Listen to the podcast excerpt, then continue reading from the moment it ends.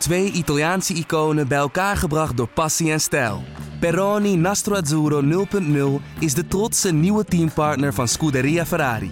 Doe mee met ons en de meest gepassioneerde fans op het circuit, de Tifosi. Samen volgen we het raceseizoen van 2024.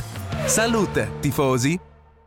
Je was vol weer een Formule 1 wappie. Hij had nu Monaco kunnen winnen. Hè? Een unieke kans. Ja, ik zat echt met tranen in mijn ogen dat je zo die bergen voor je ziet. En dan, maar dan moet je ook een beetje een betere verliezer zijn, denk ik. Dit gebeurt Hamilton nooit. Nooit. Je bedoelt dat Hamilton best wel geluk heeft. Ik heb soms bij Hamilton het, het idee dat hij een weekend, dan gaat het niet. En dan checkt hij gewoon mentaal uit. Maar ja, je weet van Valtteri Bottas als hij naast je zit, dan wijkt, wijkt hij uit. Ja, het is, gewoon, het is gewoon weer een heerlijke nieuwe dynamiek die het eh, aan het hele eh, seizoen geeft. Het hoort er gewoon bij. En dan hebben we maar een optocht. Laat gaan en maak geen fout. Ja, eh, dat is toch alleen Monaco. Yeah, here we go again. Get in there, Lewis. It's broken. It's broken. Laps the steering wheel, yeah. Yes, boys, come on. Yes. Oh, this feels good. This feels really good.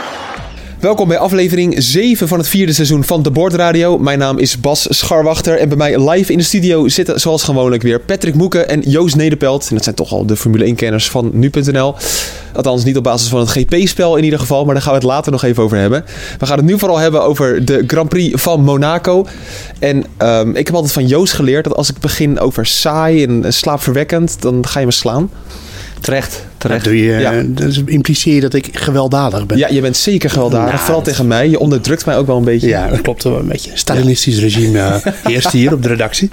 Eh, nee, maar het was saai vandaag. Ja, maar mag je het nu zeggen? Nee, Ja, mag- natuurlijk, mag maar ik je hier mag het meteen even, mag ik hier meteen even op inhaken? Geweldig, kom maar op. Het, het, het ligt er toch helemaal aan met wat voor verwachting je zo'n Grand Prix ingaat. Verwacht jij dat we echt een spektakelstuk te zien krijgen, vol met inhaalacties?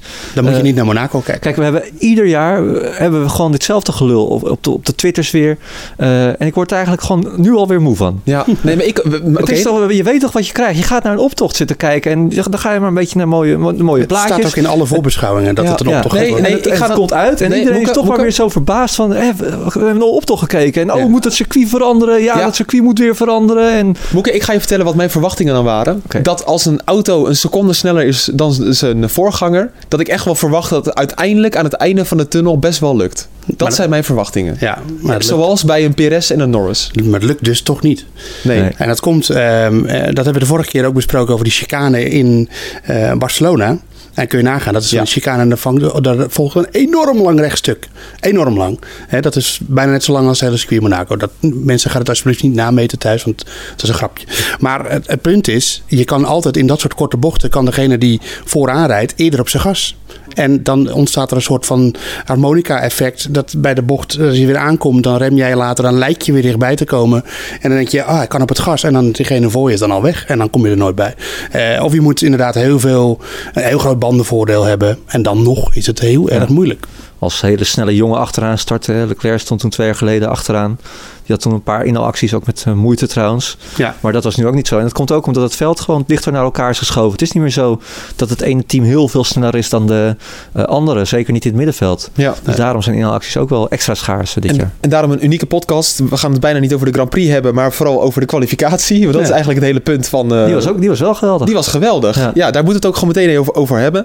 Ehm, en dan moeten we gelijk gewoon naar Q3. Ja, nou ja, eh, we kunnen het heel even hebben over Ricciardo. Maar ik denk niet dat dat nu de eerste is waar mensen wel wat over willen horen. Nou, eigenlijk, laten we daar toch even over beginnen. Ja. Mensen, we gaan het echt wel hebben over Max Verstappen en Lewis Hamilton. Komt allemaal goed. Maar toch even Ricciardo, de koning van eh, Monaco misschien wel een beetje. De afgelopen jaren. Nou, er was eh, altijd wel één iemand die gebruik maakte van het feit dat wat je nu bij Ferrari zag, dat Red Bull dat ook altijd had. Niet de snelste auto over het hele seizoen, maar in Monaco wel heel snel. En hij deed het één keer, maar toen deed zijn team niet mee. En hij deed het één keer, toen won hij. En nu ja, hij komt gewoon niet uit de verf bij de McLaren. Eh, dus dat, is, eh, dat was eh, het opvallendste in Q2. En natuurlijk ook dat Alonso eruit ging. Nou, daar hebben we het vorige week al een keer over gehad. ik ik, moet kan- trouwens, ik- ik, moet ja. trouwens nog wel even mijn excuses aanbieden trouwens. Oh, Ik werd daarop gewezen door Daan Smink, van, de, de chef van de sportredactie hier. Want ik had tegen jou gezegd dat ik had verwacht dat Alonso niet zo goed uit de verf zou komen. Ja. Maar Daan die zei, jij hebt ook in een eerdere podcast gezegd dat je juist wel had verwacht dat Alonso. Dus ik had mezelf tegengesproken. Kijk. En, en dat kan iedereen iedereen overkomen. Maar dan ben ik gewoon zo eerlijk om dat toe te geven dat Ja. ik, dat ik is- eerder wel heb gezegd dat ik toch had verwacht dat, Dat we dit nog mogen meemaken. Ja, ongelooflijk, wat een Dat- moment. Dat Nederveld zich een Nobel, beetje hè? nederig opstelt. Ja, Ja, dat, ja. Dat, dat zie je nooit. Ja, en ik heb inmiddels ook al tien vragen gesteld. En hij heeft nog niet helemaal de Grand Prix besproken. Nee, maar hij is gedreigd om je salaris in te houden. Dat, eh dat schijnt ook een eh, godsvermogen doe geen uitspraak, eh, doe geen uitspraak over. Ja, echt, ja, echt, als Joost eh, weggaat, dan komt er toch een bak budget vrij bij dat Dat is niet normaal. Nee, ik was aan het vissen met, met Daan Spink. En, eh, en ik was bang dat hij met water zou duwen. Dus eh, vandaar. op een onbewaakt ogenblik. Ja. Ja. Dan ehm, voor de mensen die ons volgen op Twitter heb ik een belofte gedaan. En die belofte ga ik zeker nakomen. Je kan ons volgen op eh de Bordradio via Twitter. Ik ehm, reed toevallig langs met de redactie rond eh, drie We zaten uur. midden in Q2 trouwens, toch? Hè? Dat, Ja, dat maakt niet uit. ja, oké. Nee, maakt niet uit. Nee, we gaan Mensen lekker zijn door. een beetje chaos. kunnen ze wel hebben. Ja, dat, ja precies. Maar, Na voor- zo'n saaie race een beetje goudse podcast is misschien ook wel beter. ja, maar als je bij ons een overzichtelijke podcast wil, dan, Dan gaat het niet goed. dan Nee, hoor. nee, moeten we vriendelijk afscheid nemen, denk ik. Nee, je krijgt gewoon een, een lekkere, warrige podcast. Maakt allemaal niet uit. Nee, ik eh, ging met jullie eh, kwalificatie kijken. Voor het eerst eigenlijk. Ik heb al vaker met jullie Oh, Formule we 1 gaan toch over de kwalificatie. Ja, sorry. Ja, Ja. zeker. Ja. En ehm, ehm, ik, heb opge ik dacht, er gaat iets gebeuren Q3. Ik voel het. Of Verstappen pakt toch Nou, nog pole. we zagen natuurlijk wel een aanloop naar een zinderende ontknoping van de Ja, kwalificatie. dit ging gebeuren. En dat is altijd in Monaco. De baan wordt eh, steeds sneller. Er komt steeds meer rubber op de baan. Ja. Het is ook gewoon, je ziet ook vaak dat ze meerdere pogingen doen dan, dan twee. Even iets voller dan normaal. En maar zorgen dat je een vrije baan hebt en eh, rondjes pompen. Ja, waarom, Joost? Wa- waarom, eh, normaal zie je natuurlijk dat ze één rondje op die Ja, rode band rijden en dan kan je hem afschrijven. Nou ja, goed, ik ben geen coureur, maar ik denk dat het te maken heeft met ritme. Eh, eh, oh, je, je bedoelt de, ba- de banden zelf. Die, ja, die, Ja. die slijten gewoon. Er zijn veel minder. Als je het hebt over. ehm, eh, terug even naar Barcelona. Weet je, dan heb je die eh knik, bocht 1, 2. En dan heb je die hele lange doordraaier. En dan staat er zoveel druk op die banden. En dan slijten ze heel erg. Maar dat soort situaties heb je gewoon niet in Monaco. Maar ook met ook door verkeer natuurlijk. Want de kans is heel groot dat je iemand tegenkomt. Zelfs in Q2 en, eh, Ja. en Q3. En, maar ze doen dus meerdere runs ook om dat vertrouwen op te bouwen en het ritme Ja. om te bouwen. Ehm, en steeds net te weten van, ah, ik kan daar toch nog ietsje, ietsje de, dichter langs de vangrail of ik kan daar nog ietsje laten remmen. Eh, dus daarom is het, is het een, ook wel een ander soort kwalificatie. Ja, nou goed, nou, uiteindelijk kom ik toch tot de clue van mijn verhaal. En dat is dat eh, ik dacht, nou Hamilton gaat vast nog wel pole position pakken. Er komt toch nog een, eh, een, een gekke aap uit de mouw. Ik neem het gewoon op. En nu gaan jullie live horen hoe dat is als Patrick en Joost Formule 1 kijken. Max Paard is sector. 51-5, volgende meetpunt. 18-4. Geel, geel, geel, geel. Hamilton, Hamilton breekt hem af. Rood, code rood. Een code rood. Oh, Leclerc! Ja, dan heeft hij, heeft hij pole position. Dan heeft hij pole position. Ja, dit is precies in Q3. Iedereen moet stoppen. Ja. Charles Leclerc. Hoppa! En ze kunnen Hamilton zevende. doet hij expres. Dit hebben Schumacher en Rosberg ook gedaan. Ja, maar niet op zo'n manier. Niet op zo'n manier. Nou ja, lijkt het wel op. Nee. Nee, niet hier, oh, niet hier, niet hier. Toch slim? Dit is slim. Jongen, jij gaat er al meteen vanuit dat het opzet is. Laten we gewoon even kijken wat het is. Ja, de conclusie is, jullie krijgen gewoon ruzie tijdens het kijken van de kwalificatie. Ja. Een inkijkje in het hoofd van complotdenker Patrick Moeken. Ja, ja. Ja, het is goed om een beetje argwanend in het leven te staan. Nou, de- ja, ja, de- argwanend en concluderend, dat zijn wel twee verschillende dingen Nou ja, natuurlijk. je ziet het gebeuren, maar het is toch ook logisch dat je dat, dat, je dat denkt? Ja, de mensen die ons vorig jaar hebben beluisterd ook al, de echte de trouwe luisteraars die weten dat Moeke van, van de complotjes is. Ja. Vorig jaar was het echt heftig. Eh, dit jaar valt het nog wel mee, maar nu ging je echt, je was vol weer een Formule 1 wappie. Ja. Nou, dat viel, ik, ik zat er gewoon lekker middenin. En je, Je was, ziet, je je was ziet een beetje de eerst onder op onze het luisteraars. ja. Weet je nog? Wat, wat zegt hij nou? Rijk was onze Formule 1 wappie, toch? Oh, Rijk, ja. Ja, nee, dat... eh, Ja, maar ik wil even terughalen dat hij ook in Imola beweerde dat eh, Russell eh, eh, bewust tegen... Dat heb ik nooit gezegd. Jawel, jawel. Dat, zei, dat hield je ook voor mogelijk, zei je toen. Ja, Nee, ja, nee, klopt. dat hield ik niet voor mogelijk. Ja, dat had weer te maken met Toto Wolff ook en Ja, zo. ja, dat is Ja. ook complot. Is ook al- altijd allemaal wel, er zit altijd wel een soort van constructie achter. Ja. En nu, tuurlijk, ja, Leclerc, eh, er was maar één die echt profiteerde van die crash. Ja. En dat was Leclerc. Maar, eh, en dat, ik moet eerlijk bekennen dat eh, Patrick later ook gewoon tot inkeer kwam en ook wel inzag dat Leclerc, al zou hij het doen, dan zou hij het niet zo doen. Dus dan had hij hem, klopt. Nee. dan had Ik hij had, ook, gewoon... ik had ook nog geen herhaling gezien. Het was meteen je eerste reactie. Dat, eh, dat was het gewoon. Ja, Ja. het, maar het- het- je zag het ook een soort van van mijlenver aankomen. Ja, Had maar ook wel een beetje. achteraf wel nog steeds denk, kijk, hij heeft het natuurlijk niet expres gedaan. Dat zou heel, heel dom zijn. Ja. Maar ik denk wel dat je weet, hij weet al dat hij op P1 staat. Eh, hij weet ook wat er gebeurt als je een rode vlag eh, eh, veroorzaakt. Ik denk wel dat je toch net even wat meer risico neemt in die, in die laatste vliegende ronde. Dus ik wil niet zeggen dat hij bewust gecrashed is, maar je weet dat je toch net wat meer op de limiet Het kan rijden. Want als je crasht, dan heb je het toch al. Ja, precies. Inderdaad. En hij zal er misschien niet zo over na hebben gedacht, maar ik weet zeker, die, weet zeker die Formule 1-coureurs die zijn hartstikke intelligent en Leclerc ook. Hm. Het zit toch ergens in je hoofd. Ja, Maar met de kennis van nu weten we natuurlijk dat dit de meest domme actie was die die, eh, die, die kon doen. Eh, ik, ik had het zelf een beetje gemist. Waarom ging het nou uiteindelijk fout met Leclerc? Nou, hij eh, legde dat zelf uit voor onze vrienden van Ziggo voor de camera. Dat die bocht, nou ja, we hebben natuurlijk eerder eh, coureurs daar hetzelfde zien doen. Dat het een beetje een bocht is met twee instuurmomenten. En dat je die vangrail gewoon niet heel goed kan zien. En, en je moet je niet vergeten, dat is altijd het, het, het verneukeratief hieraan. Wij zien het natuurlijk vanuit alle hoeken en standen hoe die vangrail precies staat. Maar de coureur die zit bijna op de grond. Eh, die ziet alleen de bovenkanten van zijn voorwielen. Eh, die ziet eh, die vangrail een heel klein beetje. Dus die kan niet goed inschatten waar die vangrail precies staat ten opzichte van het voorwiel. En we hebben hele mooie slow-mo's gezien dit weekend, hè, ook van Leclerc. Dat hij precies te langs ging. Leclerc, Gasly heb ik volgens mij gezien. Perez, Verstappen ook echt keurig net langs dat vangrailtje. En dan is het net één milliseconde eerder insturen. En dan raak je hem net te hard en dan breek je stuurstang. Dan kan je niks meer, dan ben je passagier. Eh, want je hebt niet meer de remkracht, want je voorwiel remt niet meer. Nou, de meeste remkracht komt uit je voorwielen. En je kan niet meer sturen. En dan zit er een hele grote... eh, ehm, eh, curbstone, volgens mij door, eh, was het uh, Kviat een keer in zo'n filmpje van de rijdersbriefing, die noemde het de Yellow Trampoline. Eh, die curb, ja, als je daar overheen gaat, dan ben je gewoon kansloos. Dus eh, kijk, eh, wat Moeke zegt, tuurlijk, hij kan inderdaad iets meer risico nemen in die omstandigheden. Maar dit, dit doe je niet op die manier expres. Eh, en ik denk dat eh, de meest, zelfs de meest verstokte Verstappen-fans is het natuurlijk toch een beetje vervelend dat ze dan misschien denken dat Leclerc het eh, expres doet. Maar ja, Verstappen heeft het zelf ook al twee keer op die manier gedaan. Wel in een andere situatie, maar dan nog. Dus ja, dat, nee, dat was niet expres. Dan had hij gewoon bij de laatste bocht even zo, zoals Alonso in de vrije training deed, even zo dat, dat voorvleugeltje eraf getikt of zo. Want dan hangt er geel en dat is ook al genoeg. Ja. Mooi is, ik stelde eigenlijk een hele andere vraag, eh, maar niet goed ge- genoeg geformuleerd. Maar, Ik vroeg eigenlijk waarom hij. waarom, mooi antwoord, dankjewel. Joost. Nee, waarom hij uiteindelijk niet mee kon doen aan de Grand Prix. Oh, kan, sorry. zo moeten formuleren. Oh, sorry. Mijn fout hoor, mijn fout. Houd Nou ja, wel dat, iets korter, Joost, iets korter. Eh, ja, nou dat kan. Eh, dat, ja, Ferrari is daar een beetje schimmig over. Eh, ze Ja, weet- toch? Ja, want En sorry, ik las mensen die zeiden van ze hebben een enorm risico genomen door te gokken. Waarom Ja. hebben ze niet gewoon die gridstraf geaccepteerd en dan was het misschien goed gekomen? ja, Ja, maar ze zeggen dat het dus niks te maken heeft met de gearbox. ja, ja, misschien niet. Zij Ja, maar wat natuurlijk wel gek is als Leclerc meteen over de boordradio zegt... Ja. jongens, gearbox, gearbox, Daar geloof ik echt helemaal niks van. Nee, dat dacht ik nu dus zit ook. ik even in het eh, complotkamp. Ja. Dat willen ze gewoon natuurlijk niet toegeven dat ze dan zo'n domme fout. Nou ja, het is het een domme fout? Ik weet niet. Pol weggeven in risico, Monaco. het is risico nemen en dat risico pakt verkeerd uit. Want Ja. als je, hij had nu Monaco kunnen winnen. Hè? Een unieke kans. Zeker als je kijkt naar hoe eh, slecht of hoe Ferrari nog steeds normaal gesproken verwijderd is eh, van een mogelijke Grand Prix zege. Nu stonden ze opeens op de eerste plek. Ja, Had je dat opgegeven voor plek 5, plek 6, ja. ja. Nou ja, dat was het een weekend als velen. Nee, dat klopt. Eh, het risico is, is er om te nemen. Maar het zegt wel iets over het risico als je bij de eerste meters met je auto al meteen een probleem hebt. Ja. Dat, Dat is wel heel pijnlijk. Ja. Heel pijnlijk. Ja, dat maakt het. Dan denk je wel van, nou, hebben ze nou zo'n riante gok genomen om dan hè, die auto die, die gaat rollen en hij is al, is al niet goed, niet in orde. Dat is natuurlijk niet goed. Ja. Ehm, dus ehm, ja, Ferrari zei ja, eh, misschien is het niet gerelateerd aan die crash.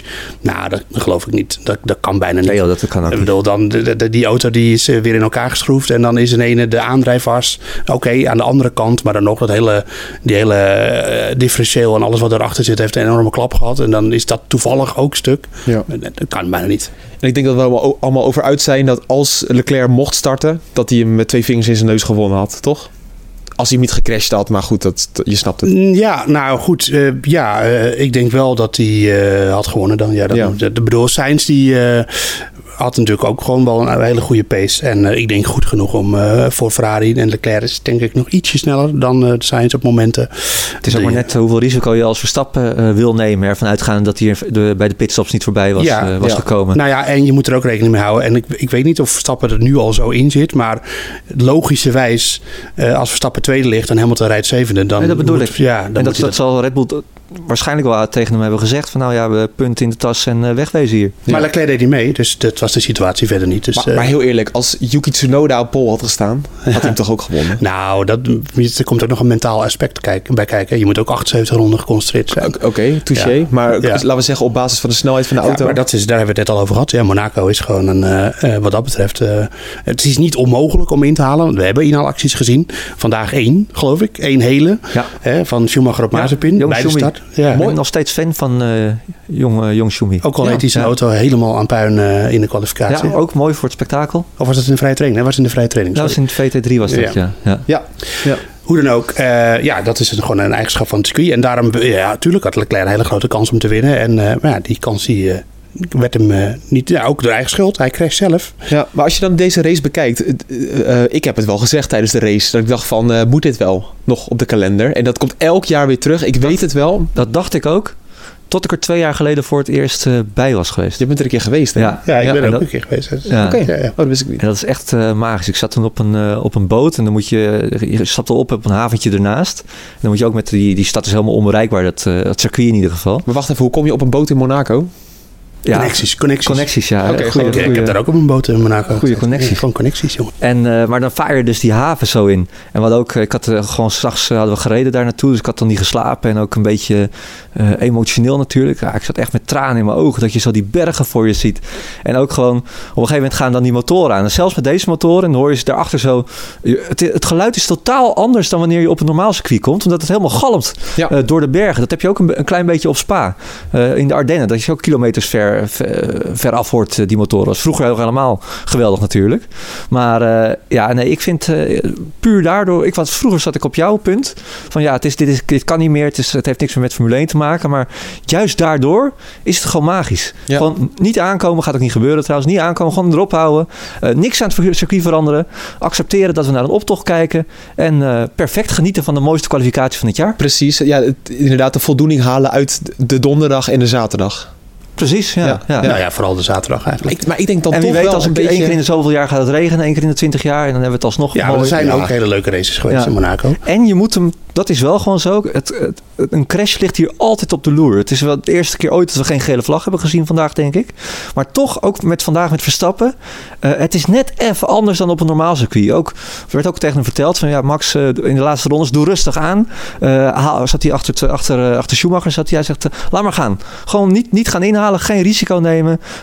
laat gaan en maak geen fout. Ja, dat is toch alleen Monaco. Ja, dat is ook alweer zo. Maar ik heb dan toch wel een klein beetje het idee... dat stuk naar de tunnel, dat hebben we in de Formule E gezien. Echt, dat was een geweldige race was dat. Zoveel En die gaan wat zachter natuurlijk ook. Ja, Veel die- zachter. en die kunnen dichter achter elkaar zijn rijden. veel Ja. kleiner, die auto's. Ja. Precies, dus het Ja. gaat sowieso maar zoveel inhaalacties daar. Maar ik denk dan, kan dat nou nog niet, nog niet een stukje verlengen? Moet je dat willen? Ja, ze hebben volgens mij eh, eh, wel eens onderzocht. Je zou in theorie zou je Raskas kunnen eh, eruit halen. De laatste bocht, dat ze daar nog een slinger maken. Oh, Alleen, oh ja. eh, ja, dat gaat ook niet gebeuren. Ook Nee, met joh. vergunningen. En er gaat, er gaat gewoon in de komende 50 jaar niks in dit circuit gebeuren. Ja, maar je hebt ook bij het begin van de tunnel, heb ik ook al eens eh, gezien van die filmpjes van mensen die dat willen maken. Daar heb je nog een rotonde. En daar zou je ook nog best wel een langere aanloop richting de tunnel kunnen Dat krijgen. zou kunnen, ja. Ja, heel, mis- heel misschien Ja. dat het volgend jaar met die nieuwe eh, auto's wel beter Ja, gaat. maar dat is wel een, een, een cruciaal verschil hoor. Ja. We, zitten, we kijken nu naar de grootste Formule 1 auto's die er denk ik ooit geweest. geweest, Ja, dat zijn. Ja. Langer, breder, nou breder zijn ze misschien wel geweest, maar niet zo lang. Ja. En eh, ja, nee, dat, dat, is gewoon, dat speelt een hele grote rol. Ja. Maar aan de andere kant, eh, vroeger hebben we ook, eh, was het altijd al zo. Ja, inhalen is gewoon moeilijk. Maar ja, dat is, dat is in Singapore ook wel een beetje zo. Daar heb je wel iets meer mogelijkheden. Maar in welk kamp zit jij, Joost? Gewoon in, ja, ik ben pro een, Monaco eh, of anti-Monaco? Monaco eh, fetischist. Ik vind het Wel, geweldig. Ja, het moet hoort er ook gewoon bij. Ja. En dan hebben we maar een optocht. Maar ik vind dit, een optocht in Monaco eh, is altijd nog beter door de entourage en alles wat er omheen hangt dan een optocht in Parijs of in Frankrijk of zo of in Ja, eh Sochi. Ja. Of. Sochi, nog erger. Ja. Echt Ja. verschrikkelijk. Ja, dat is Dus, eh, en dit is gewoon eh, een, een, een, klas- een klassieker. En dat is niet alleen, niet eens, ik ben er ook een keer geweest en dat was nog met de V8 nog. Dus dat Geweldig. was galmend tussen die eh, gebouwen door, geweldig. Maar eh, niet alleen daarom, maar ik heb Monaco heb ik altijd al eh, fantastisch gevonden. De eerste eh, echte serieuze Grand Prix van Monaco die ik me nog heel goed kan herinneren, is die van 96, dat Olivier Panis won. Totale chaos. Ja. En sindsdien ben ik ook wel echt een beetje verknocht aan. Is dat die race dat drie mensen finishten uiteindelijk? Eh, ja, ja. die. eh, Ja. ja. Oké, dan eh, toch even naar de race. Want ehm, het, het meest opvallende moment in de wedstrijd was Valtteri Bottas. ja. Joost, kijk ik toch even naar jou. Ik heb dit nog nooit gezien. Ja, ik heb het wel eens eerder gezien bij andere teams. Ja, is dat Ja. zo? Dat, eh, dat je gewoon denkt van, oh, het lukt niet, we kappen ermee. Nou, hij wilde er het niet gaat af. gewoon niet. Nee, maar ik, ik ga ervan uit. Ik heb nog geen officiële verklaring gehoord van Mercedes. Eh, we nemen het op zondag op tegenwoordig. Dus dan ben je, wat dat betreft, loop je iets achter. We kregen veel Maar dat is- complimenten via de mail trouwens. Podcast.nu.nl dat we het op zondag doen. En dat waarderen wij zo. Daarom zitten we weer op de zondag. Zeker. En, eh, Ehm, nou ja, maar je moet het zo zien. Je hebt gewoon de naaf van waar het wiel op vast zit. En daar zit schroefdraad aan vast. En daar moet die, die, die moer overheen. En, eh, eh, of tenminste eerst het wiel en dan met de moer komt die vastzitten. En als dat schroefdraad op de naaf. Kijk, een andere wielmoer, die kan je er zo. Nou, die zit dan in de velg vast. Dus dat is ook nog weer lastig. Dan moet je weer een andere bandenset pakken, denk ik. Maar dat kan. Maar als het schroefdraad eh, van de, eh, op de naaf zelf, waar die dus op vastgeschroefd wordt, als dat kapot is, ja, dan kan je dan dat ga je niet meer vervangen. Ja, dat kan je vervangen. Dan rij je 20 ronden lang en later rij je de baan weer op. Ja. Dat doen ze in NASCAR, doen ze dat wel, maar in Formule 1 doen ze dat niet. Ja, dan heb ik honderd vragen, maar bijvoorbeeld van hoe kan dat ontstaan zijn? Maar dat ja, weet je ook misschien niet. is hij bij het eh, monteren van het wiel op de grid, eh, de, is de, de, de wielmoeder verkeerd opgezet of zo. Dat zou kunnen. Mag Terwijl- ik, mag ik wat zeggen? Ja, Tuurlijk, waarom, tuurlijk waarom, Patrick ge- Moeken. waarom gebeurt dit nou weer bij Bottas? ja dat is dat, is Ja, dat had ik dus ook. Ja, Ja. ja. dat complotje had ik ook wel een beetje. Ja. Ja, het is geen complot, maar het is wel gewoon, het, Het is is wel bizar. ongelooflijk. Ja. Ja, Ja. dit gebeurt altijd. Dit bij- gebeurt Hamilton nooit. nooit. Je bedoelt dat Hamilton best wel geluk heeft. nee. Hij heeft eigenlijk in het slechte weekend wat hij had, heeft hij, nou ja, heeft geen geluk, het is geen geluk meer, omdat het gewoon niet gebeurt. Nee. Het, is uit, het is uitgesloten dat dit hem overkomt. Ja, het is gebeurt gewoon ongelooflijk. niet.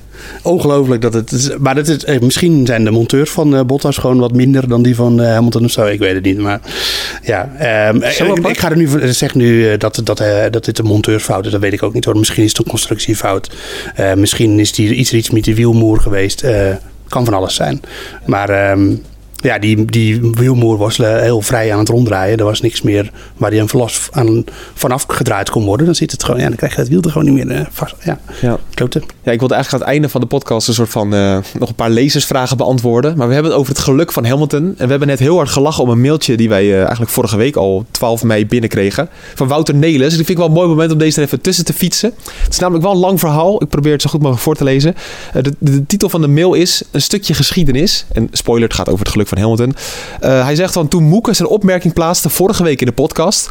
eh, dat hij altijd maar wilde benoemen hoeveel geluk Hamilton heeft gehad. En Joost vlak daarvoor had gevraagd of iedereen wel geschiedenis heeft gehad op school. Ik kreeg er nog een beetje ruzie over.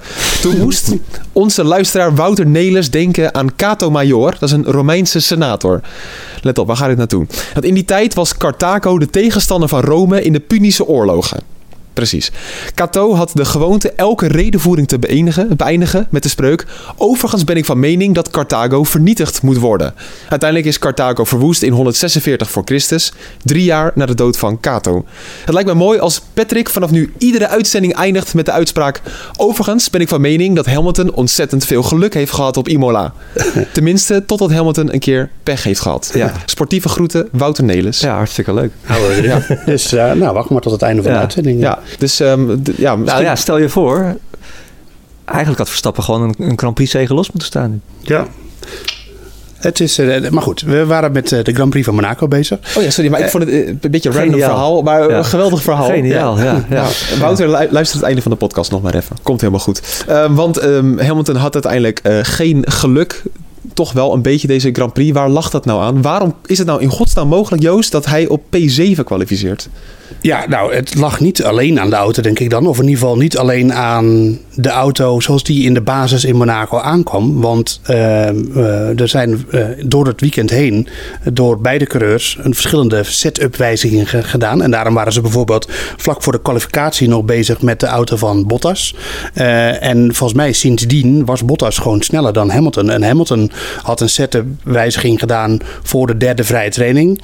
Dat beviel niet. En toen is hij nog teruggegaan, maar niet helemaal, geloof ik. En toen deed die auto helemaal niet meer wat hij wilde. Maar hij is zelf met zijn engineer, Pieter Bonington, we horen hem allemaal over de radio. Ja. Get, get in there, Lewis. Die eh, is hier verantwoordelijk over de, over de setup in, in de basis. Eh, dus dat is ook zijn verantwoordelijkheid. En als zijn teamgenoot sneller is met dezelfde auto, komt niet vaak voor, maar nu wel. Ja, dan ligt het ook een beetje aan hem. En ik was ook wel verbaasd eh, na afloop. Eh, hoe die stond af te geven op zijn team. Dat gebeurde natuurlijk tijdens de race al. eh, maar na afloop ook. En eh, ja, goed. eh, Mercedes kwam niet als favoriet naar dit weekend. Nou ja, uiteindelijk deed Bottas het nog best behoorlijk. Hij lag zelfs tweede. Nou, Hamilton, je merkte wel, hij was wel geschrokken van hoe die verder hier van, eh, van af zat. En Ja, want je kan ja. een keer derde of vierde worden. Ja. Dat kan, maar dit is gewoon volledig door het ijs gezakt. Ja. maar ik heb, dat hadden we het eh, tijdens de race, Patrick en ik al over. Dat je, ik heb soms bij Hamilton het, het idee dat hij een weekend, dan gaat het niet. En dan checkt hij gewoon mentaal uit. Zo, dan gaat het ook niet meer gebeuren. En dat hebben we in het verleden wel vaker gezien. De laatste jaren wat minder. Ik denk dat daar ook een beetje sprake van was. Eh, hij zat gewoon niet eh, goed in de wedstrijd. En eh, ja, dan... En meteen ook paniek, hè? Een soort Ja. gewoon in- vol in de paniekmodus en kwaad en eh, Al die bordradio's. al die woordradio's. Ja, dat is, dat, dat heeft, hij is vaak heel goed. Hè? En als hij goed is, is hij ook heel goed. Ja. Maar zo ken je hem af en toe ook wel. Gewoon altijd in Oostenrijk ook, ook wel eens ge- gehoord. En eh, ja, het, eh, ik ben benieuwd of we deze kant van Hamilton vaker gaan zien. Ja. want met name was hij gefrustreerd over de situatie rondom de pitstop. Ja. Hij ging vroeger naar binnen, volgens mij letterlijk als de, een van de eerste. Hij was eh, volgens mij de eerste, ja, ja, Ja. letterlijk. Ja, Ja. Ronde 30. En dan, eh, wat, wat ging daar nou fout? Nou, de, wat er fout ging is dat eh, de, de... Oh, wat moest Patrick deze vraag gaan we-? Gaan we door, gaan we door. Ja, we zitten aan een tafel en soms kijk ik dan iemand aan, zodat diegene weet van antwoord jij. maar ik keek echt boeken vol aan. Oh, ik keek niet naar jou vandaag. Sorry. Ehm, nee, eh, Ga je gang, joh. De, de pace op de, de 30 ronde oude softbanden was gewoon beter dan de harde banden waar Hamilton, die Hamilton kreeg. En dat zag je daarna ook. Want dat Ja. werkte. het- Dus Gasly bleef buiten, eh, Vettel bleef buiten. Die reden een snellere rondetijd dan de outlap van, van eh, Lewis. Eh, overcut heet dat ook wel, al was het denk ik niet bewust. Ehm, en, eh, en daardoor bleef Gasly er bleven voor. En, en Vettel die pakte ze allebei. En Perez die spande de kroon natuurlijk. Want die kreeg... eh, en dat is wel echt... Dat moet even benadrukt worden. Dat was essentieel in de race. Essentieel in het feit waarom Red Bull nu kop gaat in het constructeurkampioenschap. Perez deed, dat, die deed iets heel goeds. Had zijn banden heel lang gespaard. Hij kreeg vrije baan. Eh, Verstappen ging voor hem weg natuurlijk. Nou, dat was niet te relevant hoor daarvoor.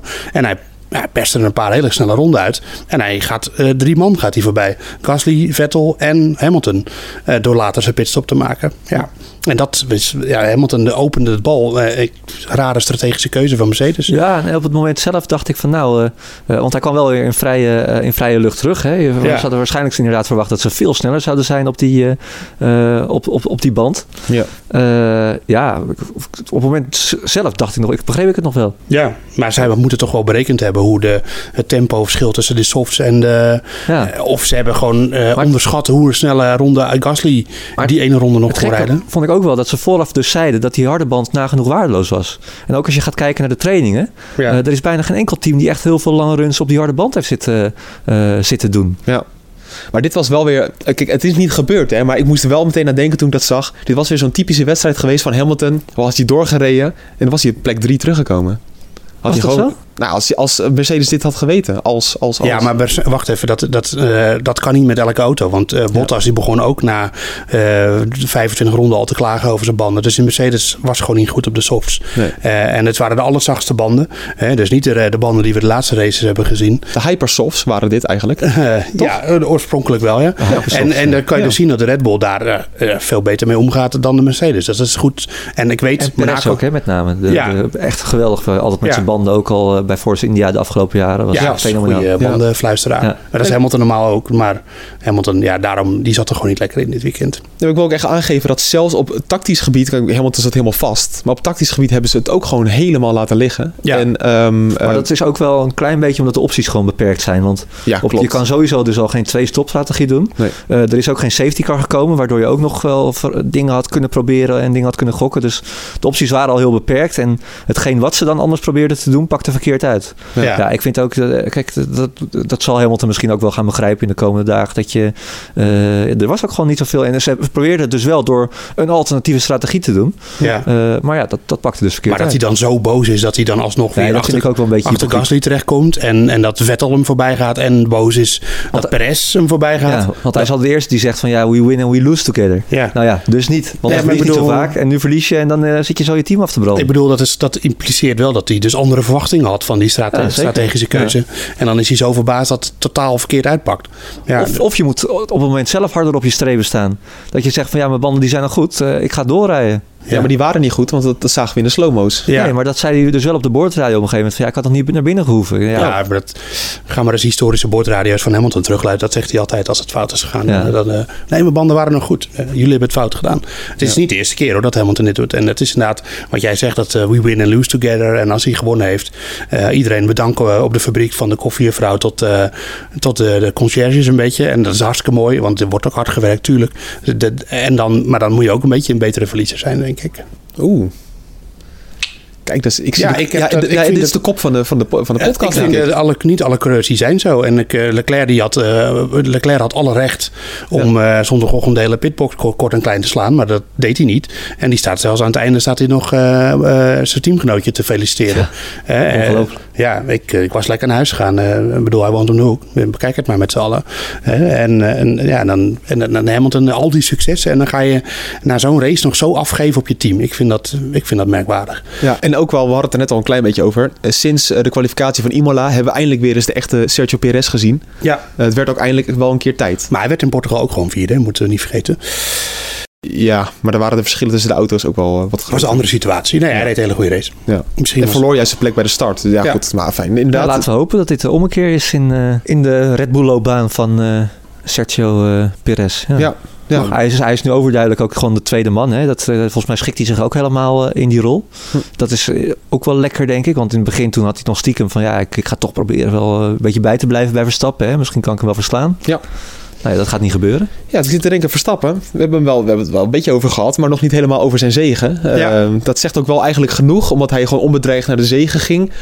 Ehm ik, wil je nog iets zeggen over de race? Ja, de grootste dreiging was bij de start. Ja, dat was het. Ja, Ja. ja, Eh, klopt. ja, Ja. eh, niet, niet, eh, niet echt lekkere tractie, in ieder geval initieel.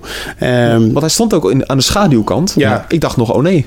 Nou ja, je hebt daar iets koeler asfalt. Dat kan net een verschilletje maken. Dat, dat- maar dat weet ik niet. Dan, moet je alle telemetrie zien. En, ehm, wat belangrijk was, dat hij gewoon de, in de versnellingen beter oppakte dan Bottas. Die ook misschien een heel klein beetje moest inhouden. Maar die, eh, volgens mij was het vooral van 2 naar 3. Zat er bij Bottas even dat hij tegen de begrenzer aan zat. Of hij had wielspin. Een van die twee ehm, was het in ieder geval. En, en toen zag je in ene Verstappen die jump maken. En toen kon hij hem voorzetten. Ja. Ehm, dat, dat- was, dat was voor Verstappen het spannendste moment van de race. En het scheelde echt niks. Dat als Bottas ernaast had gezeten, had hij hem nooit meer niks. afgegeven. Nee, maar dan had Verstappen hem nog steeds de leiding gehouden. Denk ik. Want die was niet aan de kant gegaan in de eerste bocht. Nee, dat Je merkt nee. aan alles dat, dat Verstappen zoiets had van... no way dat je hier voorbij Nee, gaat komen. Hij drukte Over Bottas ook lijk. eigenlijk wel echt die vangrail Ja. in. Hè? Ja, maar ja, Ja, terecht. dat moet kunnen. Dat, dat Ja. mag in die eerste meters. Kijk, dat is precies het tegenovergestelde van hoe Bottas in elkaar schiet. Ja. Die schrikt er altijd van. Ja. En eh, want hoe vaak hebben wij niet gezegd van laat je auto nou staan als Hamilton eh of Verstappen ernaast zit. Maar ja, je, je weet van Valtteri Bottas als hij naast je zit, dan wijkt, wijkt hij uit. Ja. Ja. Ja. dan het verhaal van Verstappen is wel een beetje dat... eh, Goed, die eerste stint met Bottas, eh, uiteindelijk liep hij Ja, op vijf seconden. Pure bandenmanagement. Precies. Ja. Maar Ja. in die tweede stint, wat ik wel interessant vond, is dat eh Sainz heel erg kon bijblijven. Ja. Ja, maar dat was ook, ook managen. Want je zag ook toen, toen Sainz echt aan begon te dringen, begon hij ook te, meteen te klagen over dat zijn banden eraan gingen. Oh ja. En dat zei Verstappen ook. Hij zei, ja, het was gewoon op commando. Ik kon harder wanneer ik wilde. En, en zo werd hij ook geïnstrueerd op de, over de, op, de, op de boordradio. Ja. Ja. het is volledig onder controle. Als je track position hebt in Monaco, dan is er geen enkele reden om harder te rijden dan strikt noodzakelijk. Hm. Eh, en dat is maar weer een indicatie dat het eigenlijk best wel saai is natuurlijk. Maar ja, je hoeft daar eh, een beetje brandstof sparen, een beetje banden sparen en eh, we tuffen gewoon naar de finish. Ja, ik denk soms ook wel eens, kijk, je zal je maar een keer verremmen per ongeluk. Ja, Maar dat kan altijd gebeuren natuurlijk. En dat maakt het ook mooi in Monaco, want dan zit je in de muur. Ja. Ja, dat klopt wel. Maar ik dacht dat als je hem zo kort... Hij, op een gegeven moment was het 2,8 seconden. Dat ik dacht, nou, dat is best wel dichtbij. Ja, maar zelfs als je je dan verremt, kom je er nog niet voorbij. Nee. Nee. Oké. Nee, en ik denk dat het wel lastig is voor coureurs, eh, zeker als je zo lang aan kop rijdt. eh, dat je, volgens mij, eh, stiekem vinden ze het, zeker in Monaco, als je dan toch aan kop rijdt, stiek- stiekem vinden ze de achterblijvers bijvoorbeeld ook wel even lekker, denk ik. Want je, dan heb je er iets om je op te focussen. En je, want als je gewoon elke keer alleen maar hetzelfde rondje wil. Maar jullie en hebben het toch ook als je aan- Ja. op de Playstation aan het... Het is een heel andere tak van sport ja, natuurlijk. dat moet je altijd heel dan mee wordt het- ga dat je dat niet met elkaar vergelijkt. andere- Nou, is exact hetzelfde hoor. Topsport is dat. Ja, aan ja. andere dingen denken. Ja, nee, zeker. Zeker als je dan. Ik, Ja. eh, ik vind het altijd het leukste om. Sorry, dat, we moeten dit eigenlijk niet doen. Maar goed. Als je nu even in game zit. Dat je dan aan. eh, ik vind het naar de kop toe rijden leuk. En als je dan helemaal aan de lijn rijdt. Dan denk je van ja, oké, Ja. we moeten nog 30 ronden aan Nee, maar dat zei Verstappen wel na afloop. Van ja, het is wel ongelooflijk moeilijk Ja. om hier 78 rondes lang gewoon voor 100% de focus te houden. Ja, Ja. ja. Juist ook omdat dit een circuit is waar dat genadeloos wordt afgestraft. Zeker als je ook dat nog eens niet door je, door je eigen woonplaats rijdt. En je denkt van, nou, oh, dat terrasje Ja. daar, dat, eh, daar kunnen we wel een keertje gaan En laten we wel wezen, dit is natuurlijk ook een van de eerste jaren waarin eh, Verstappen een volledig foutloos weekend beleeft in Monaco. Wel op het moment dat het toe deed. En eh, dat, ik, vind, ik bedoel, Verstappen heeft volgens mij echt geen wiel gezet, verkeerd gezet het hele weekend niet. Nee. Dat moet ook eens een keer gezegd worden, want hij heeft hier slechte weekenden gehad. En ik denk dat hij de eerste is om dat zelf toe te geven. Maar nu, kwalificatie, ja. Je kan natuurlijk kritisch zijn op die eerste run hè, in, in Q3. eh, dat Leclerc er toch voor zat. Ehm, dat, dat, ja, dat was gewoon, eh, dat, op dat moment deed Leclerc het beter. En dan kan je zeggen, ja, inderdaad, eh, in die tweede poging had ik eh, paars en ik ging eh, met eh, delta dat- van, eh, van min eh 2 tiende ging ik de tunnel in. Ja. Maar hij staat er nog niet op klokken. En eh, Dat kwam wel omdat hij toen al volgens mij ook nog meteen naast, naast zijn ene eh outlap eh, dat rondje neerzette. En toen, ja, hij moest nog even het ritme op. Precies, ja. Ja, maar toen zijn ze daarna nog wel van banden gewisseld, volgens mij. Ja, is dat zo? Ja. Nou, ja, maakt ook allemaal niet uit. Ja, dat, dat Formule 1 spel, dat laat me niet los. Ik zit echt te denken, ik weet niet of jij het leuk vindt Joost. We moeten gewoon een keer een race tegen kijkers, eh, luisteraars. Ja, maar dan komt iedereen er wel achter hoe ongelooflijk jij vals speelt. Dus dat... eh, En dat Joost altijd crashte in de eerste ronde. Ja? Is dat dat, zo? dat is wel leuk. Ja. Ik weet niet. Ik, eh, kijk, soms doen we een oproep via, de, via podcast.nu.nl en in één keer krijgen we echt honderden mailtjes. Nou, tientallen. Ehm, dus ik, ik gewoon even vragen. Speel je dit spel, Formule 1 2001, eh, 2020 is het geloof ik nog, Mhm. op de Playstation, Xbox? Laat even weten. Misschien nog een keer een race lobby, moeten eh, doen. Maak een keer een lobby aan. Geen een lobbytje, sorry. Ja. Ehm, als we het dan toch even over kijkers hebben. eh, Luisteraars, moet ik steeds zeggen. Sorry, ik maak video's, dus daarom zeg ik altijd kijkers. Ja. Ehm, we hebben namelijk een paar vragen binnen gehad. Eh, echt letterlijk, ook tijdens nu, tijdens het opnemen zie ik. Van David van der Brand. Hoe verklaren jullie het enorme gat tussen Lando Norris en Daniel Ricciardo? Ja, Mooi, hij stuurt nu een mailtje Mooi. live in de uitzending. vertrouwenskwestie, denk ik. Eh, Ja. ja. Ricciardo worstelde ontzettend met die auto. En eh, we hebben ook eerst bij Renault gezien dat hij het best wel lang duurde voordat hij aan die auto gewend was. Ehm, ja, ik, ik denk toch dat hij. Dat, dat het, het, het is misschien ook een beetje in zijn hoofd gaan zitten. ehm, nadat hij in Spanje eigenlijk best wel oké ging. Want daar was hij in principe sneller dan Norris.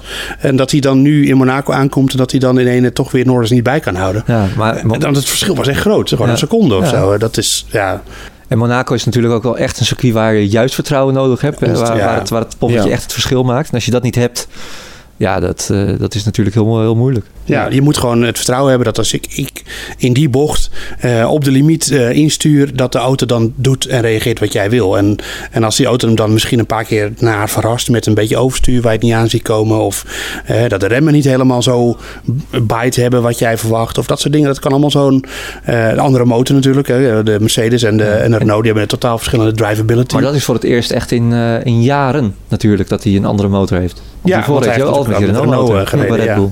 Ja, dus dat kan allemaal, dat soort dingen. En dan, ja, maar een seconde vind ik wel veel hoor. Eh, dan is er wel echt iets fundamenteel niet in de haak dit geweest dit weekend. En een rondje ingehaald. En een rondje ingehaald. Ja. pijnlijk, ja. Ja, wel mooi voor, eh, voor eh, eh, McLaren. Want ze hadden natuurlijk die speciale livery dit weekend. Dat ze er een soort mooi promo-shot van die auto's Ja. naast elkaar. Ja. En maar goed, was op de plaatjes mooier dan in, in het echt, vond ik. Ja, viel tegen hè? Het, het was lekker... beetje flats. Ja, Ja, een beetje flats. wittig. Ja. Ja. maar goed, ja, dat maakt allemaal niet uit. Eh, dan nog een vraag van ehm, eh, Joost. We hebben het ook al over science en norms helemaal niet gehad. Maar goed, dat spreekt voor zich toch. Goed Dan zijn de, de gekwalificeerd. podcast nog niet afgelopen, toch? Nee, dat is waar. Maar Nou. goed. We- Ja, nee, ik wil eerst even een vraag van eh, Joost Jongeneel. Dit is wel de meest warrige podcast die er is. Lekker man, ik hou ervan. Joost Jongeneel, komt hij aan. Kan de locatie van... Dit is trouwens iets heel anders. Kan de locatie van de pitboxen in de pitstraat enig voordeel opleveren bij pitstops? Verder complimenten voor jullie podcast. Ik luister altijd met veel plezier. Ja. Joost aan Joost. Eh, ja, eh, zeker. Waarom Eh, zit Mercedes ook aan het begin? Dat is eh, op basis van de WK-constructeursuitslag. Waarom is dat zo? ja, dat hebben ze zo bepaald. En, eh, en je hebt... eh, Zij mogen kiezen toch, waar ze zitten? Ja, en je, je hebt eh, in principe altijd het voordeel. Ehm, ja, je mag kiezen welke kant, maar ze zijn, zitten wel allemaal naast elkaar. Dus je kan niet zeggen dat, eh, dat Red Bull volgens mij kan niet zeggen van wij zitten dan, jullie zitten aan het begin, wij zitten aan het einde. Zo werkt het niet. Nee, is maar volgens altijd- mij... is- Mercedes mag kiezen toch, waar ze zitten? Nou, volgens mij zitten ze gewoon altijd. dat het zo werkt. Nee, ze zitten volgens mij gewoon altijd vooraan. Oké. Dus als eerste. En dan heb je het voordeel natuurlijk dat je, als jij, eh stel er staan meerdere monteurssetjes klaar voor andere auto's, dat je er niet daaromheen hoeft te sturen. Dus je kan in een rechte lijn aankomen rijden bij, in heel veel situaties. Ehm, Dus eigenlijk het, het voordeel houdt al op vanaf Red Bull. Ehm, nee, dat is in die situatie zo. Maar je hebt in verschillende situaties waarin het een voordeel of een nadeel kan zijn waar je zit. Want bijvoorbeeld, als jij ehm, eh, aan het einde zit, ehm, dan heb je dus minder kans, eh, denk ik. Dan moet ik even dit heel goed uitleggen. Maar eh, we halen als voorbeeld de situatie erbij twee jaar terug in Monaco. Toen Verstappen natuurlijk Met Bottas. met Bottas een aanraking kwam in de pitstraat. En dat kwam dan moet ik het even goed uitleggen, want het is een beetje. eh, eh, dat kwam omdat eh, de Red Bull voorbij de Mercedes zat. Ehm, Ja, en, en anders was Bottas op een, eh, in een andere situatie ten opzichte van Verstappen weggereden. En dan was hij er niet tegenaan gereden. Eh, dus dat heeft altijd weer. En eh, bijvoorbeeld als jij aan het begin van de pitstraat zit en, dan komen, en jij gaat stoppen en dan komen er een hele hoop achter je aan, dan moet je wachten tot die allemaal voorbij zijn. Weet je wel? Dus dan is het bijvoorbeeld weer een nadeel. Dat kun je ook uit het Formule 1 spel. Dat, eh, Ja. Dan maak je dus als eerste een pitstop en er rijden vijf auto's achter je en die komen ook allemaal nog. Dan sta jij en dan moet je wachten tot die allemaal hun pitstop gemaakt hebben. Daarom dacht ik altijd dat Ja. je achteraan veel meer voordeel hebt. Want dan hoef je nooit voor iemand te wachten als Nou je je vooraan kan, als je helemaal achteraan staat, dan kan je gewoon in een rechtlijn in principe wel wegrijden. Ja. Hoewel Kubica dat met Verstappen in Brazilië ooit een keertje niet helemaal goed deed.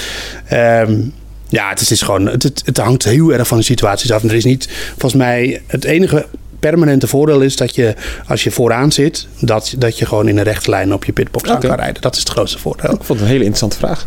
Ja, Ik zit voor de rest te kijken naar alle mailtjes, maar het gaat vooral over dat we nog een eh, vooruitblik moeten maken en dat de podcast langer moet. Ik wil wel even zeggen dat ehm, we maken de podcast niet per se. Het is niet van drie kwartier, dan moet het zo zijn. Weet je, als het leuk is, dan houden we het leuk. Dat is echt zo. En als het anderhalf uur leuk is, dan, dan is het ook anderhalf uur leuk. Alleen ik heb toch vaak het idee, dat, dat merk ik nu ook alweer een beetje, dan ga je wat sneller slap ouwe hoeren. Ja, maar dat komt omdat die gozer zo lang aan het antwoorden is. Ja, dat Eh, klopt ook wel inderdaad. Je gaat over je eigen antwoorden. Je mag wel een langer antwoord. Tuurlijk, want we kunnen een podcast van drie uur maken en dan kunnen we het over science hebben, drie kwartier. Dan denk ik, ja, Ja, maar laten we het in ieder geval Ah, even over het, science het is hebben. wel gezellig, jongens. Het, eh, Ja. Lekker. Ja, toch? eh, lekker door. Ze moeten Ja. het ook in de podcast niet de hele tijd over de podcast hebben, denk ik. Jawel, Dat is vinden de mensen alleen maar leuk. Meta. Merk je wel. we Ehm, echt maar Science. Science was heel teleurgesteld. Ja, Eh, gaat hij weer door gewoon over ja, oh ja, de- ik probeer inhoudelijk iets te vertellen. Ja, dat is natuurlijk heel raar. Dan ben ik ben benieuwd wat je over science kan vertellen. Laat ik het dan zo zeggen. Voor mij mag je, Ja, nou ja, goed. want het is eh, wel knap en zo. Hij verdient de credits, maar dat heeft hij wel gehad daar. Nou ja, hij- Dat hoeft niet we hebben het toch nog. net over Ricciardo gehad en dat hij aan een nieuwe auto moet wennen. En dat er een vertrouwenskwestie misschien is met, tussen hem en zijn auto. En dat science Eh, dat niet heeft. En Sainz, die eh, Ferrari is eh, op de pace dit weekend. Daar hebben we het ook nog niet over gehad, waarom Ferrari snel was. Ehm, Nee, maar mensen lezen natuurlijk nu.nl en daar staat een enorm mooie analyse ja, van maar jou. daar heb ik niet specifiek over Monaco gehad. Oh. Ik vind dat we heel erg rommelig zijn. Dan moet ik, ik zeggen, als ik even eh, out of context mag gaan. Ehm eh, Sainz. Sainz. Ja, maar het gaat nu echt helemaal nergens meer over. Het is gewoon... Stel je nou een knip voor in de podcast, joh. Ja, maar bedoel, laten we even weer een beetje de, de focus pakken. ik vind dat Of, stom. of Ferrari. Gewoon Science Ferrari. Laten we Ja. daarmee doorgaan. Joost, Yes. waarom was Ferrari zo goed dit weekend? Nee, ja, maar... Ja, nee. Laat maar. Nee, waarom? Nee, ik ben heel benieuwd. Nee, we hadden het over Sainz toch, of niet? Ja. Ja, oh ja. Ja, maar gaan we even serieus nu. Het- Ja. nu, nu begint het een beetje... Dan gaan we de bocht Oké, een ja, is beetje goed. uit. Ja. Ja, ja, serieus. We hadden het over Sainz. Ja, nee, ja. Maar als jij nu in deze bui gaat, dan wordt het niet meer... Ja, ik vrees dat ik daar niet meer uit ga komen. Nee, nou, maar Ga dan dan kunnen gewoon we over stoppen ermee of niet? Nee, nee, nee. Nee, maar serieus, want nu wordt door. het...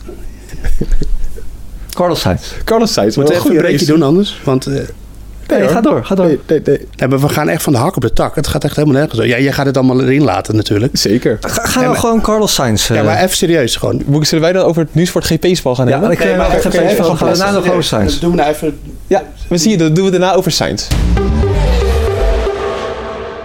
Want we moeten toch even kijken natuurlijk of Sainz überhaupt wel een goede toevoeging was in het Nusport GP-spel. Wat ik nou zo opvallend vond, Joost, is dat jij er toch voor gekozen hebt om een Ferrari in je team te gooien. En zelfs op het podium, meen ik. Eh, twee En Pol, toch? En Pol, ja. Heb je, heb je, Leclerc had je pol. Leclerc had Pol, ja. Dat meen je niet. Ja, maar dat was eh, na de, de, vrije de, de derde vrije training. Toen zaten ze er nog steeds bij. Ja. En eh, ik dacht, nou, Leclerc heeft niet zoveel te verliezen. Die eh, gaat of crashen of pol pakken.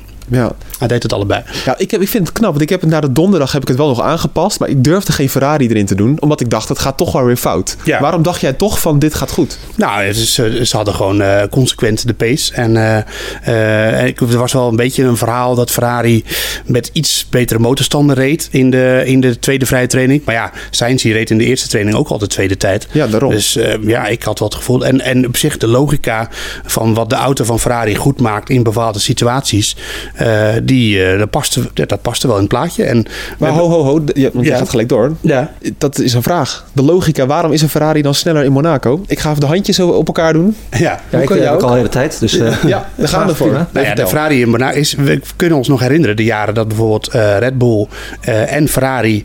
eh, nee, eh, Mercedes en Ferrari vochten om de titel. 2018, 2017, eh, 2016. Eh, toen was had Red Bull ook lang niet altijd de snelste auto. En toen waren ze in Monaco wel ook heel erg sterk. Eh, en dat is gewoon dat hij goed is in lage snelheidsbochten. Nou ja, daar zijn er heel veel van in Monaco. Eh, Ferrari heeft niet de sterkste motor. De Honda motor en de Mercedes zijn allebei sterker. Maar daar heb je nu gewoon minder last van. En dan, eh, en dan ja, ik had niet verwacht dat ze er zo goed zouden bij zitten. En volgens mij hebben ze zich ook wel heel erg gericht op deze Grand Prix. Zo van, dit is onze kans. Ja, en dat pakte goed, hè? Ja, ja ongelooflijk. En, eh, En het heeft ook mee te maken natuurlijk dat Mercedes tegenviel. ja, precies. Relatief. Hè? Ja. Ja. Want dat is natuurlijk wel zo, toch even het blokje rond te maken over Sainz. Dat hij zijn positie vasthoudt, is dat ook een beetje door Monaco? Of is dat ook wel aan Ferrari te prijzen? Omdat we dit seizoen vaak hebben gezien dat de race pace niet goed is. Nee, ehm, nou, dat heeft denk ik ook te maken met de bandensoort waar we het eerder over hadden. Hè? Dus die zachtere banden, dat die beter bij de Ferrari passen. Ja. Eh, en ten tweede, ja, hij kon, Norris ja, was geen bedreiging voor Sainz. Ehm, ja, dus in principe was dat wel echt eh, legitieme snelheid die hij had. En, eh, en, en nou ja, we hadden het eerder over Ricciardo natuurlijk, dat hij geen vertrouwen heeft met zijn nieuwe McLaren, zijn relatief nieuwe McLaren. Maar ik vind hoe Sainz zich nu manifesteert bij Ferrari wel indrukwekkend eigenlijk. Ja, ja toch, het is, bij Sainz is echt een beetje de vraag van eh, eh, wat voor talent is dat nou? Want we hebben in de Toro Rosso tijd echt gezien dat hij met Max kan matchen. Sterker nog, In de kwalificatie was hij volgens mij over een heel seizoen zelfs sneller. ja, dat, Dat was wel een iets andere. Verstappen natuurlijk nog. Die had toen pas één jaartje autosportervaring. En Sainz, jongen, ja. pardon, die had het al veel langer, eh reed hij al in de formuleklasses. Ja. Dus, eh, maar hij doet het inderdaad goed. Dan moet ik wel zeggen, zijn aanloop was wel wat moeizaam. Want dit is wel een van de eerste eh, weekenden waarin die eh, eh, echt veel sneller is dan... over Ferrari heb ik nu Je trouwens. bedoelt bij Ferrari, ja, ja, ja, precies. Aanloop, ja. En ja, het is, het, is, ja, het, is een, het is een goede coureur. Maar ik denk niet dat hij op het niveau van Leclerc... en- en al helemaal niet op het niveau van Verstappen zit of, eh, of komt. Dat is nog wel een tandje te veel. Maar ik denk zeker dat hij in de loop der jaren... eh, een hele goede eh, rijder gaat worden. En mogelijk ook met als hij opeens een hartstikke snelle auto onder zijn kont heeft. Hè. Dat Felipe Massa had dat ook op een gegeven moment. Die had toch ook bijna, die was, die was een, een half, half circuit was die wereldkampioen. Eh, ja, dat kan zomaar gebeuren. En dat, dat kan natuurlijk wel. Maar is dan Sainz van het niveau Norris een beetje? Net, net eronder? Ja, Norris die is nog jonger. Hè. Die, daar, wil ik nog, eh, daar zit nog wel rek in. Daar moet je nog van zien. Ik denk wel met Sainz dat dit wel de max is. Ja, dat denk ik ook wel, ja. Maar een hele goede, hele goede coureur. Net niet de topklasse. Precies. Nee. En dat is voor Ferrari prima om erbij te hebben. Zo, eh. Misschien een soort Jensen Button of zo. Ja, ja. Ja. misschien wel, ja. Hij is Ja. beter dan Bottas is bijvoorbeeld. Zeker. Ja, geen, geen tweede man, geen eh wingman. uitgetekende tweede man, maar eh, toch net iets minder dan Leclerc. Ja, en als je dan Leclerc op pole position hebt in je NuSport GP-spel, Mooi. dan... Mooi. Oh, mooi. Mooi. En door nu te benadrukken dat het een mooi bruggetje is, is het hele bruggetje alweer weg. Eh, maar dit is echt waanzinnig nieuws voor Joost geweest. Hij topt de lijsten, Ja. maar Goh, niet de top. Nee. Beetje een soort science van het spel. Nou, we. Ja. mochten dus een... eh, om, eh, maar we mochten een boek aangeven. Hè? Ja. Het was eh, het boek van, eh, van Olaf Mol. We hebben twee mensen die samen de lijst aanvoeren dit weekend. Frank Roerdingholder en Linda Bosman, allebei 121 punten. En dus kijken we naar het algemeen klassement. om te kijken wie, aan wie dat boek dan weggegeven wordt. En dat is ja, Frank, Frank Roerdingholder. Ja, Had een team met Max Verstappen, Sainz, Norris en Ocon. Ongelooflijk. Dus dan, eh, ja, alleen Ocon buiten de punten. Ja. Eh, Nee, Ocon was eh, ach- negende. negende? Ja. Oh, dan, hebben de- hè? dan krijgt hij nog meer. Dan krijgt hij. Het staat dat- dan fout in het GP-spel, want daar staat dat die elfde was. Oh, nee, hij is Hmm. toch echt eh, negende Hij geworden. is gestart als elfde. Voor eh, Antonio Oh, Giovinazzi. Ja. sorry, ik zit verkeerd te kijken. Ja, hij kwa- kwalificeerde als elfde en eh, ja, vier man in de punten. Chapeau. Ja, en het leuke Frank. van eh, Frank is... st- Stel, Linda, geweldig gedaan, hè, topper, heel goed. Maar Frank mailde dus direct na de race. En die zegt dus... Hallo heren, als trouwe luisteraar van de podcast... eh, ben ik helaas meestal super kansloos in het GP-spel... en natuurlijk ook in jullie pool. Maar vandaag vielen alle kaarten gewoon goed. Ontzettend cool om een keer samen met iemand anders te winnen. Ik kan niet wachten om de podcast te luisteren. Nou, Hartelijk hartstikke groet. Frank Roerdink Holder, gefeliciteerd. Jij krijgt het boek van Olaf Mol. En wat leuk is, daar zit een anekdote over Patrick Moeken in. Eh, Frank, stuur even een mailtje als je dat boek hebt. wat je van, eh, van die passage vond. Het boek gaat eigenlijk half over Patrick Moeken. Het is gewoon Ja, een Patrick grote, ja, ja, ja. autobiografie. Toch. Eigenlijk wel, ja. Ja, geweldig. Ja, nou, als, je het, als je het wil weten, moet je het kopen. Wij gaan het niet vertellen. Nee, nee, zeker niet. Nee. En eh, stuur even een mailtje naar ditzelfde mailadres, podcast.nu.nl Ja. met je Ik heb hem gevonden. Ja, gegevens. En dan eh, komt hij jouw kant op. ik, zal hem, eh, ik zal hem mailen, komt helemaal goed. Eh, wat ons betreft dan, hoe zat het met de stand? Oh ja, ik, heb het namelijk echt... Ik dacht, ik gok toch gewoon op Hamilton en Verstappen. Ja, nee, Joost was voor dit weekend eh, het beste van ons drie. Ja, Eh plekje 70, Joost, keurig gedaan. Mhm. Ik op plek 135. En Bas, jongen, een heel pijnlijk weekend voor jou. ja. Plek 485. Bizar, maar echt. Maar ik had wel verwacht dat niemand zijn eh, score aanpast. Maar Nee. ik heb gewoon hetzelfde hoor. Ik had gewoon Hamilton, eh, Hamilton 1, Verstappen 2. Maar bewust hij toch, of niet? Jawel, ja, ik dacht uiteindelijk vallen de kaarten toch wel weer in het voordeel van Mercedes. Ja, dacht ja. ik echt. Maar het viel Een tegen. hoop veranderen qua sentiment ook. Want ik weet ook nog dat we twee weken geleden die podcast opnamen. Dat we toen dachten van... Verstappen moet wel Ja, winnen, want anders is hij kansloos voor de titel. Toen Ja. zei je dat je de code had gekraakt voor dit spel. Oh ja, Met- dat zei hij ook nog. Ja. en, en met welk team was dat ook alweer? Met Bottas erbij. Ja, Bottas en dan kan je Ocon erbij pakken. Ja, ja. Ja, dat was het- ook de- deze race was dat weer niks geweest. Nee, nee, nee. Laat maar weer zitten.